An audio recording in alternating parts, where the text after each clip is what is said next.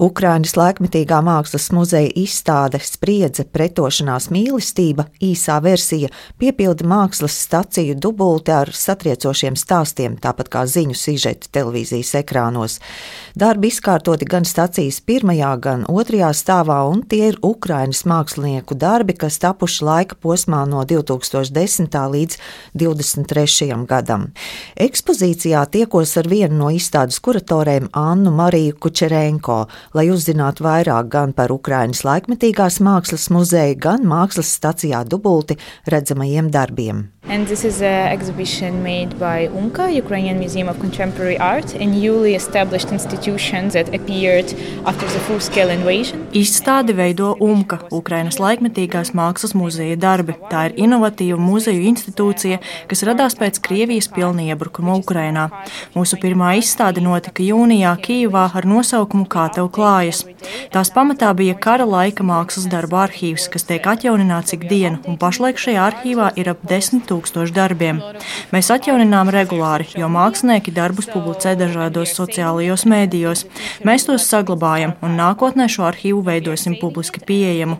Latvijā notiekošā izstāde ir daļēji balstīta arhīvā. Te ir arī mākslas darbi, kas radīti pirms 2022. gada un pirms 2014. gada. Kā min kuratore, senākais darbs, kas eksponēts mākslas stacijā Dubulti, tapis 2000. 2010. gadā, un tas ir mākslinieka romāna Mīņina veidotais sapnis par karu. Mākslinieks ir no Donbasa, un viņš redzēja sapni, ka sākas karš viņa pilsētā Harkivā, un pēc četriem gadiem Donbasā tas sākās. Tad Anna Marija Kučerenko rāda Katerinas Lisovenko darbu, kas tapis divas dienas pirms iebrukuma. Tā ir glezna, kurā redzama māte ar bērnu rokās. Tas bija laiks, kad vēstniecības pameta Kīvu. Visi mediji pasaulē ziņoja, ka Ukraina ilgi nenoturēsies. Tas prasīs vien dažas dienas okupēt visu valsti, bet tik viens saprata, ka tā nav tiesa. Un Katerina Lisovenka, kura ir vientuļā māte ar diviem bērniem, šajā darbā fiksējusi māti un mazuli, pašu neaizsargātāko sabiedrības daļu, un viņa zināja, ka tieši šī sabiedrības daļa pretosies. Māksliniece šajā darbā precīzi notvērusi šo sajūtu, kas virmoja gaisā. And, uh, work, example, Esam pie Alevtinas Kahīdzes video darba 527. diena. Video ilgs tik ilgi, kamēr tiek lasīta kara stāvokļa informācija, un šo laiku māksliniece, klausoties ziņas, nodarbojas ar jogu. Kā norāda kuratore, joga ir universāla, tā ir populāra visā pasaulē, taču māksliniece nevis klausās mūziku, bet gan kara stāvokļa informāciju.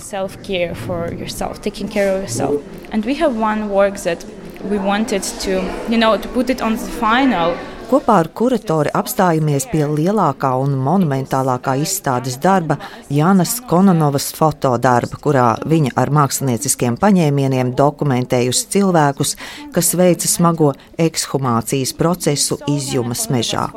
Māksliniece ir vērsusi fokusu nevis uz upuriem, bet uz tiem, kas veica šo emocionāli smago darbu. Atklāšanas vakarā uzklausa izstādes apmeklētājus Jāni un Ilzi, aplūkojot Ukrainas laikmetīgo mākslinieku darbus. Nu, diezgan smagnēji, protams, tā nav tāda izklaides tēma. Ja. Tas ir pārāk nopietni redzēt, kā cilvēki iet bojā.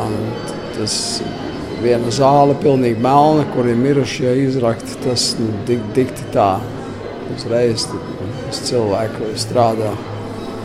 Var teikt, mēs sajūtam to kara, to elpu, tā ir sajūtam. Mm, jā, tas ir visai interesanti. Es skatījos tās maiņas, tur, eh, kas ir sataisīts no, no kartona, var teikt, materiāla kā to visu var dabūt gatavu. Mēs tā atnākuši, mēs varam paskatīties, bet uh, mākslinieki ļoti strādājuši, lai tā izstāde uh, varētu tāda izdoties, kāda viņi ir. Tas dambis priekš manis, tas kahoks uh, uzspridzinātais dambis, ļoti iespaidīgs darbs, kur peld cilvēki un, un, un, un lopi tur var teikt, govs kaut kādu peld. Tur noteikti der paskatīties visiem Latvijas cilvēkiem. ne pirmo reizi šajā mājā, bet, bet šī tāda veida māksla, viņa, nu, citi tādi darbi, kas te bija mūsu pazīstamā tekstila mākslinieca Baija Bosīte. Nu, viņa ir tāds skaistums un tāds kaut kas liek pārdomāt, bet te jūtama tā kara tēma ļoti spēcīga. Ir. Ļoti spēcīgi tas izpaužās. Nu, ir jūtams sasprindzinājums, jā. Bet es domāju arī, ka mūsu paša sabiedrība ir ļoti sasprindzinājuma robežas, jā, jo Šodien arī ir īpaši pāvests izsludinājis lūkšanu dienu un gavēni. Un, visā pasaulē, tad, tad, lai būtu miers, jā, jo tas miers nav mūsu pašu sirdīs vispār. Jā. Tā ir Izraela un, un, un Ukrainas tēma. Mums ir ļoti ļoti satricina, visiem liek domāt. Mākslas stācijas dubulti vadītāja Inga Steimane min, kāds iepriekšējs mākslas notikums rosinājusi jaunāko izstādi. Izstāde ir turpinājums Tomas Hiršhārna projektam tīri tādā nodomu līmenī, jo man bija svarīgi saprast, ka mākslas stācija dubulti nenovērš skatu no Ukrainas. Un šī izstāde tātad tieši no Ukrainas ir kā turpinājums pagājušā gada Art Shelter projektam.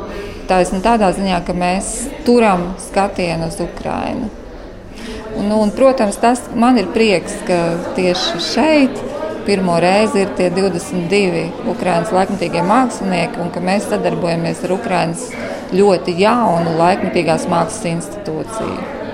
Un, uh, kurators iepriekš arī zināja šīs telpas un to vidi, kurā tos varēs rādīt? Nē, tā tehniskā komunikācijas vēsture ir tāda, ka sekojot un meklējot, ko mēs varētu tādu interesantu un būtisku no Ukrainas izstādīt, es atradu, ka šovasar tieši Ukrainas laikmatīgās mākslas centrs ir izveidojis savu pirmo lielo projektu, kā tu jūties, tīk jak, to, ko viņi pieminēja arī atklāšanā. Un, uh, es, un paldies Dievam, tagad mums ir tehnoloģijas un internets, un ļoti daudz ko var noskatīties un saprast. Un pēc iepazīšanās, šīs virtuālās iepazīšanās, es nolēmu kontaktēties ar šo institūciju, un tādā veidā arī radās šis projekts tie, kas iegriezīsies mākslas stācijā dubulti, tomēr būs noskaņoti nopietnai tēmai, jo arī šie laikmatīgie mākslinieki nu, runā par ļoti svarīgu, aktuālu lietu, kas ir Ukrajinā joprojām. Viņi runā par to, kam viņi dzīvo cauri. Viņi dzīvo cauri katru dienu. Kopš kā viņiem patīk uzsvērt pilna mēroga iebrukuma pirmās dienas, ja, 24. februārī 22. gadā. Un mākslinieki kuriem šobrīd nav laika tādai kontemplatīvai attieksmei, lai veidotu tādus ļoti vispārnātus mākslas darbus, viņi faktiski veido tādas reakcijas. Izmantojot savas tehnikas, jā, savu talantu, viņi reaģē uz notikumiem. Tāda ir visa šī izstāde. Bet tā ir autentiska reakcija no tiem cilvēkiem, kas piedzīvo karu Jā, es arī šeit izstaigājot ekspozīciju, sajūtu to, ko es esmu ziņu virsrakstos lasījusi, no televīzijas reportāžās. Jā. Tad šeit tas ir mākslas valodā. Tie paši jautājumi, tās pašas vietas, tie paši sāpīgie. Un man liekas, ka tas, ko mēs varam saņemt Latvijā no šīs izstādes, ka ziņas mums nemelo Jā, Ukrāņu mākslinieki jā, mums to vēlreiz. vēlreiz apstiprina savos mākslas darbos, ka tā situācija ir traģiska, bet ka Ukrāņu tas garīgais spēks nu, šķiet tiešām neuzvarams. Ekskursija izstādē ar mākslas stācijas dubulti vadītāju Ingu Steimani notiks 11. novembrī, bet festivāla prozas lasījuma pasākums 9. decembrī, kurā esejas par izstādes darbiem lasīs rakstniece Inga Žolude un viņas jauno rakstnieku prozas skolas audzēkņi.